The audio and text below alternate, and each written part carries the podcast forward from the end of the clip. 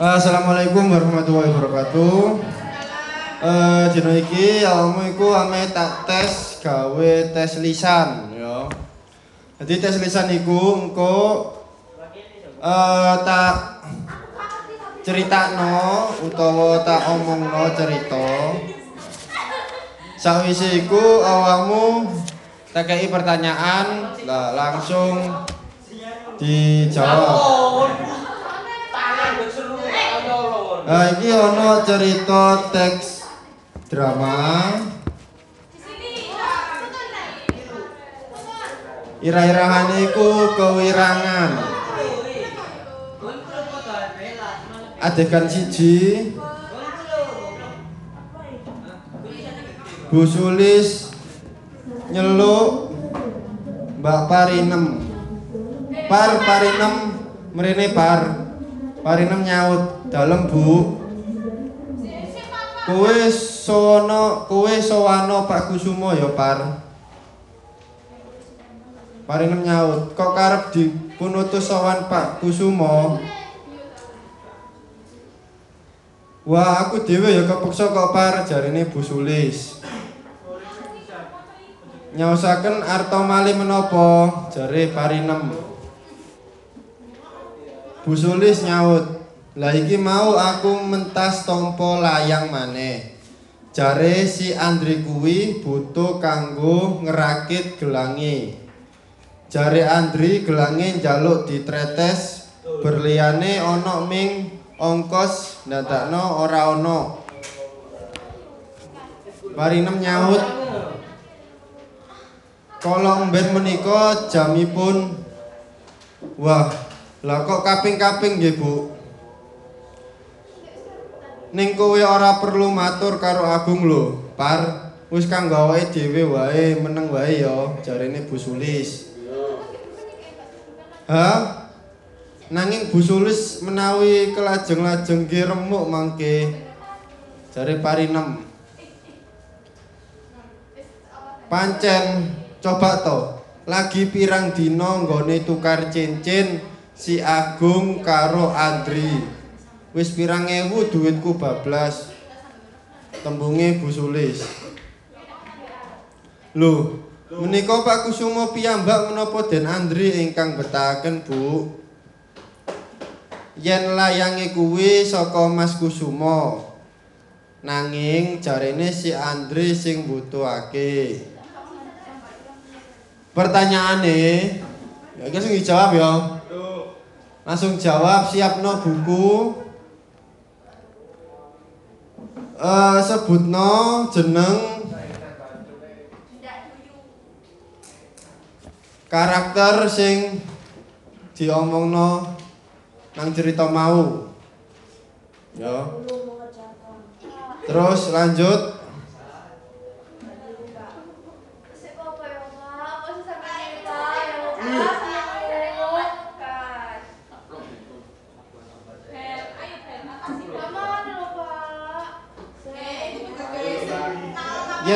Yen layangi kuwi saka Mas Kusumo, nanging jarene si Andri sing butuhake. Den Andri iki kok ya piye ngono? Wong lagi pepacangan kok wis njaluk kuwi, njaluk iki. Butuh sithik-sithik nyuwun panjenengan nggih, Bu. Jare Parinem. Bu Sulis nyaut.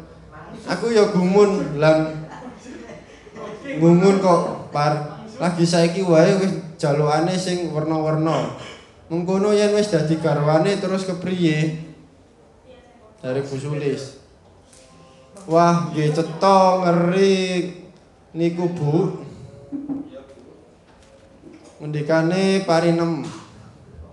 Mengko yen deleng bocahe kira ya alus, lomah lame, kaya ora duwe maksud apa-apa.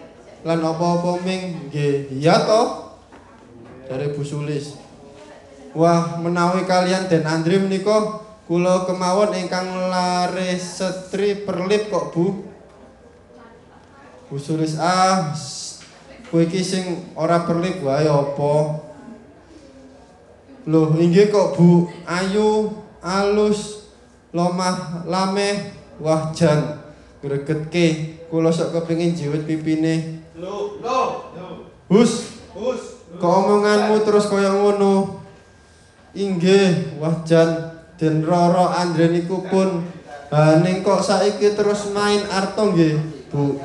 Durung dadi garwane wis njaluk iki njaluk kuwi. Niku ingkang boten nyocoki. Usulis nyaut.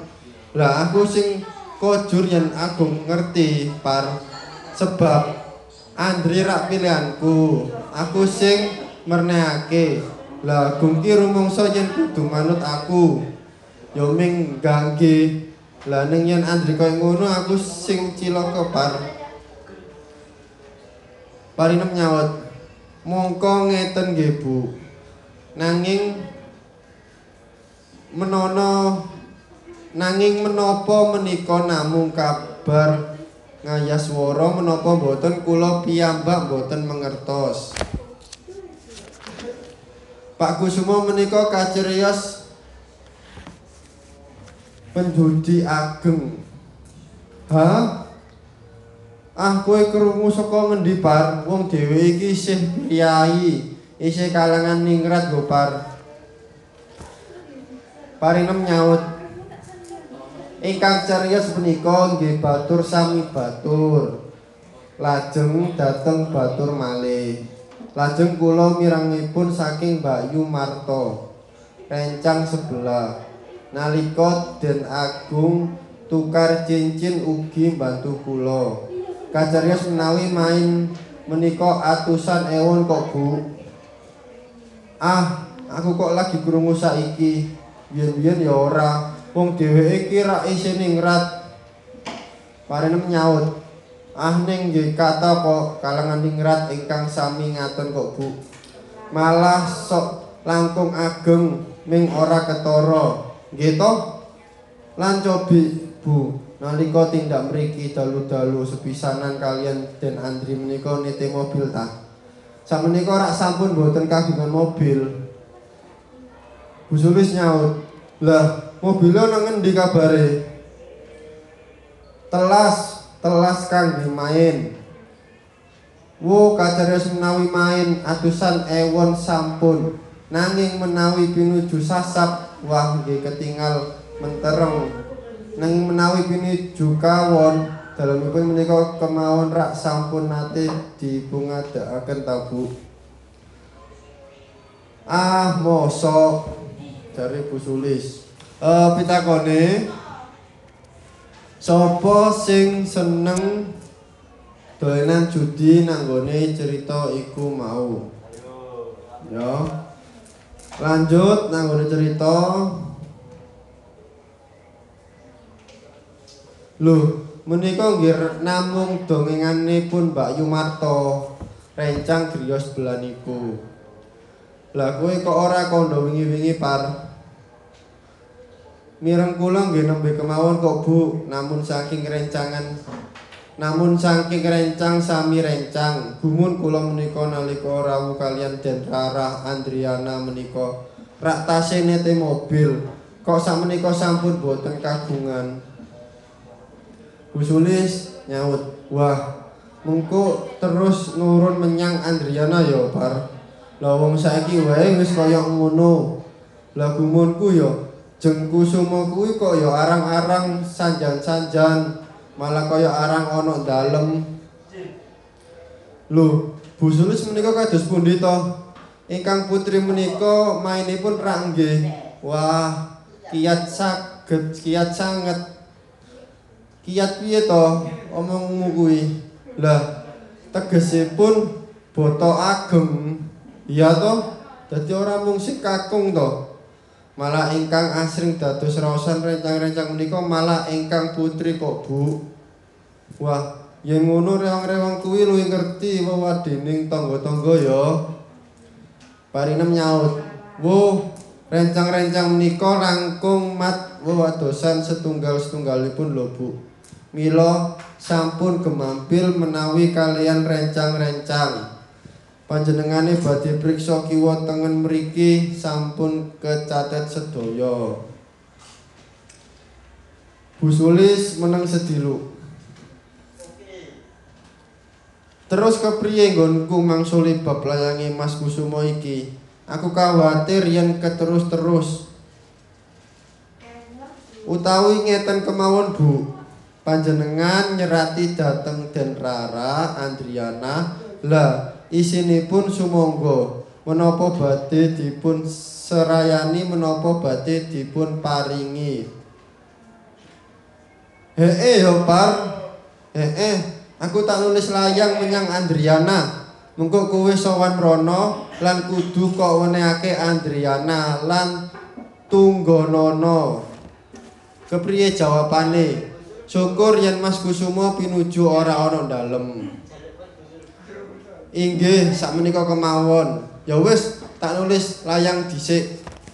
E, pertanyaane, Bu Sulis iku nulis layang kanggo sapa? Ya. Uh, pindah nang adegan loro. Kusumo ngendika. Andri Perhiasan kuwi ra wis dipasrahke aku lan kanggo pening seto. Lah, malah dibalekake kepiye karepmu? Andri nyaut, "Benjing kemawon menawi sampun nikah, Pak." Weh, kowe iki wis ngerti sing jenenge peningset durung, Andri. Menawi kula cekap menawi cincin menika rumiyin, Pak. Sebabe jarene Kusuma. Sebab kula rumaos dereng nggadahi hak ngangge perhiasan ingkang saking Mas Agung. kuwi wis dadi tata cara. Mula yen penganggon kuwi kok enggo, kuwi tegese kowe ngatonake katresnanmu.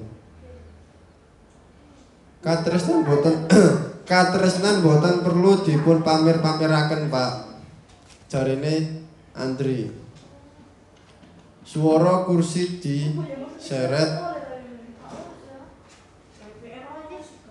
Ah, Kok kaya ngono jawabanmu, Dri? Kuwe kuwe wis dadi rembukane wong tuwa, ya bapak ibumu lan tante Sulis. Saiki barang-barang malah kok balikake. Kuwi mengko dikira kowe arep gawe pokal sing ora-ora. Apa kowe ora seneng karo Masmu Agung? Nggih remen. Nah, kena apa barang-barang peningset kok balikake? mengko di mengko dikira kowe arep medhot pepacangan iki Ndre kula mboten saged nyimpen barang-barang ingkang dereng hak kula Pak iya wis bisa yen ora gelem nganggo rak bisa dikok titikake menyang aku utawa ibumu kados pundi anggen kula nitipaken menawi bapak ibu tansah mboten wonten dalem lah kula kalian Mas Agung badhe murnakaken katresnan Apa katresnan orang murni saiki? Awit kula kalian Mas Agung menika namun dipun panggihaken dening tiang sepuh. Mila katresnan menika kula kinten boten saged dangu. Menawi kula kalian Mas Agung piyambak boten madosi katresnanan ingkang murni. Terus carane murniake katresnan Mila perhiasan menika kula wangsulaken. Upacara-upacara menika kita anggap boten wonten. Ingkang wonten namung agung kalian Andriana. Cobi kanthi mekaten menapa saged menawi saged menika ateges kula kalian Mas Agung saged manggihaken katresnan ingkang murni Ah, kuwe mung apa, Dri? Panci mboten wonten tegesipun. Ketingalipun nanging tumrap kula kanthi semile saged nampi katresnan, Pak. Pak Kusuma nyaut, "Hah, ning lucu kuwe, barang wis ana tangan kok dibalekake mung alasan sing ora ketemu nalar." Apa to alasan kaya ngono kuwi? Ramung alasan ah, golek-golek Dri tumrap bapak mbok menawi mekaten Nanging tumrap kula wonten kesanipun ingkang langkung lebet, Pak. Kusuma, Pak Kusuma nyauti. Baning rak dikira sing ora-ora, terus dikira aku ibumu kowe nyulayani rembuk dening Tante Sulis. Apa gelo, apa arep medhot tunangan? Menawi dipun kinten kemawon boten menapa-napa, Pak. Uger sak yatipun boten menawi kula sampun saged manggihaken katresnan ingkang murni kula nembe marem. Kowe kudu ngelingi ya, Nduk. Yen wong tuwamu kuwi duwe pepanjangka sing mulya. Kowe bisa entuk jodoh sing bisa gawe mulyamu, mulyaku lan mulyane famili-famili Kusuma. Saiki wis entuk pacadan kaya dene karo Masmu aku. Wis ora wis ora perlu sing neko-neko. Matur nuwun, Pak. Mingkari nglanggengake katresnan Masmu Agung. Katresnan Tante Sulis lan katresnane wong tuwamu lan katresnanmu dhewe. Lajeng kados pundi anggen kula saged damel amri katresnan menika langgeng sedaya. Yen saiki wis gampang, kowe ora susah kakehan reka, ora susah kakehan pikiran. Dados kula kedah nampi menapa kemawon inggih saking Mas Agung, saking Tante Sulis lan ugi saking Bapak Ibu. Kudu mengkono kuwi amrih langgenge katresnan. Aurat tumraping kula, Pak. Aurat sing kepriye? Lajeng kula minangka wayang nampi menapa kemawon ingkang kedah kula tindakaken.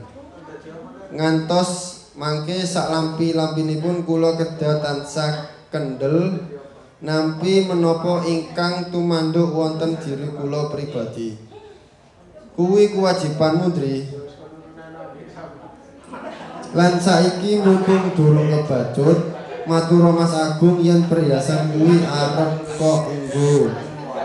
Kedah kula suwun malih. Amrih ola amrih ora nimbulake pandhakwa sing ora-ora. Apa maneh yen Tante Sulis krungu mundak ora seneng. jalukan bareng-bareng kuwi yen kuwi ora seneng nyimpen aku sing nyimpen menapa kedah mekaten kudu Andri nanging barang-barang menika sampun ngantos ngantos apa sampun ngantos kados dene nasibipun mobil kagunganipun bapak utawi dalem menika ingkang sampun nate dipun cepengaken gaden. Ora Andri, aku ngerti yen barang-barang kuwi kudu dirukti sing apik-apik. Benjing-benjing kula badhe matur Mas Agung. Nah, dadi aja nganti nimbulake pasulayan sing ora apik tumrapku lan tumrape Tante Sulis. Wis ya, aku tindakan dhisik. Melbu nanggone adegan ke ketelu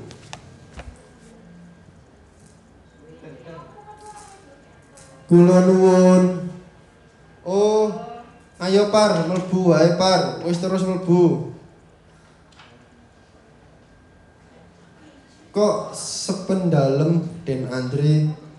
Eh eh lagi podo tindakan bapak ibu. Kono linggo kono. Hus linggo ngedhuwur wae kok terus arep linggo ngisor. Wis linggo dhuwur wae par. Ah sampun mriki kemawon. Wong bapak ibu ora ana dalem kok par wis linggo dhuwur wae ana apa diutus tante apa Mas Agung dipun utus Bu Sulis menawi kula sowan mriki kok pinuju sam, sami tindakan to Ah, yo, diutus apa, Par? Inggih namung nyaosaken serat. Laden Andriana dipun ajeng-ajeng kok awis-awis rawuh. Lah kowe ya ngerti dhewe to, Par. Wong aku kudu tunggu oma kejaba sekolah. Mas Agung ora ngarep-ngarep aku. Wah, menawi Den Agung menika sampun menapa malih sesampunipun dados dokter sesat boten nate lenggah wonten dalem rawuh dok dadar tindakan malih lah mengko aku merono Mas Agung ya ora ana dalem lah Mas Agung dhewe ya wis ngendika tempone ming malam minggu serat kanggo sapa par? Kanggo panjenengan den. Nanging menawi malam minggu den agung rak tindak mriki to? Oh ya mesti. Ya mesti to. Lho tegesipun menawi sampun dipun atur mekaten nggih sae kemawon. Lah nanging mbok nggih panjenengan menika sowan king tante. Senadyan boten pinanggih den agung. Aku ya kepingin sowan tante.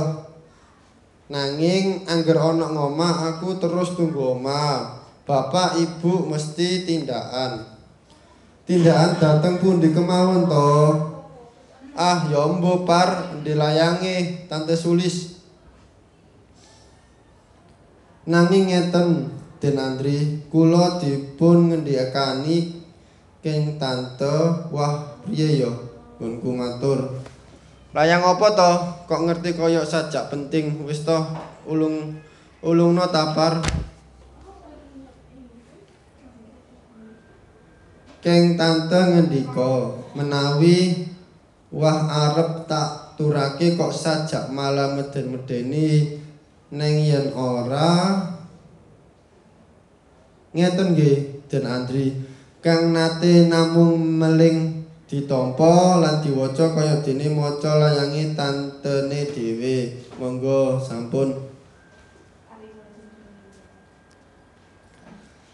Kok sajak penting banget? Tante sulis aneh. Ah aku ora nate. Ah mosok par kowe ngerti sini layang iki? Babar pisan boten Den Andri. Babar pisan ora tenan nanging aneh par. Aku ora nate. Ah aku ora nate. Ah isin aku karo tante sulis.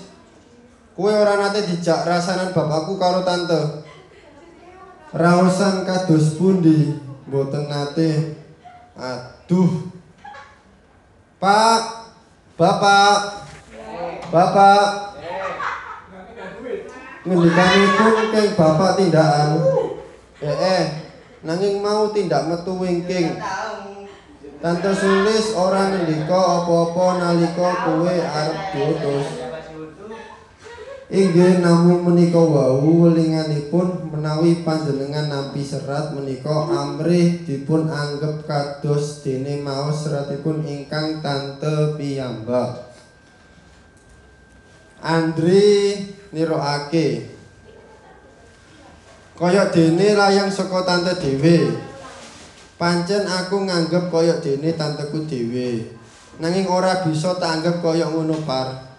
Iki soal sing gawat sing nyangkut jenengku asmane bapak lan ibu par soal duit aku ora nate ora nate matur bapak lan aku ora nate nyuwun bapak nyuwun supaya bapak kersa matur marang tante sulis.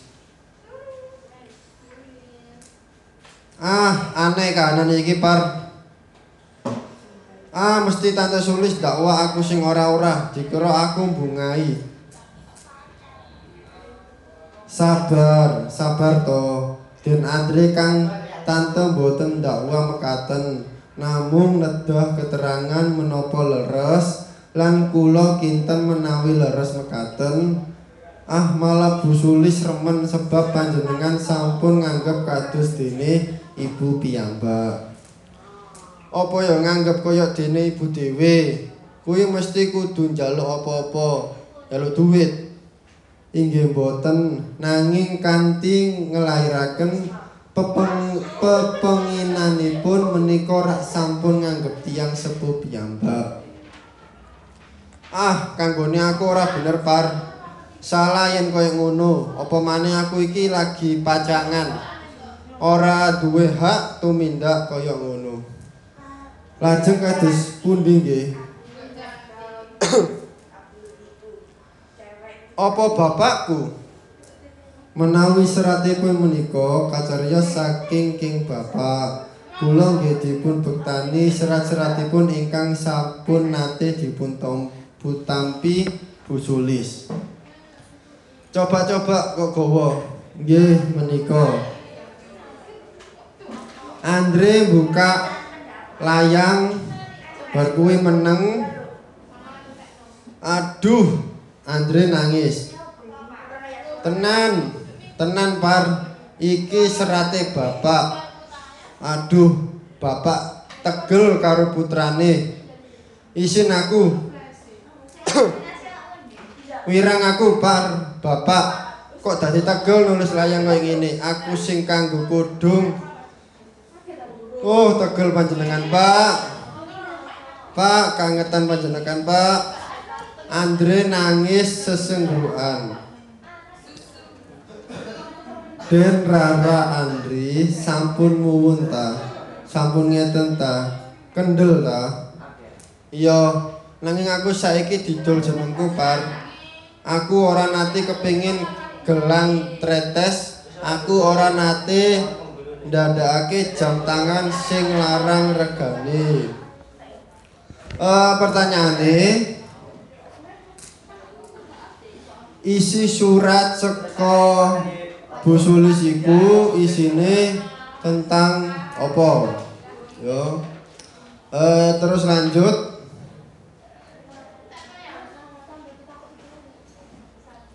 Menawi menawi mekaten panjenengan kedah nerangaken nerangaken dhateng Busulis dan Andri.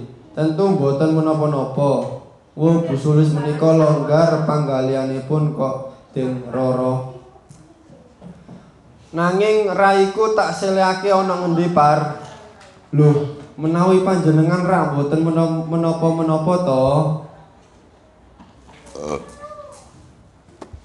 Nanging aku putrane bapakku, putrane ibuku par. Lah, inggih. Nanging panjenengan piyambak ra mboten menapa-napa. Kowe ora ngerti perasaanku par. Aku yen sowan busulis, tegese aku nggawa jenenge wong tuaku martabat kehormatan keluarga Kusumo nanging yen kaya ngene iki apa teges martabat lan kehormatan keluarga Kusumo sing wis rusak? Ancur ana ngarepe tante sulis. Parinem menang.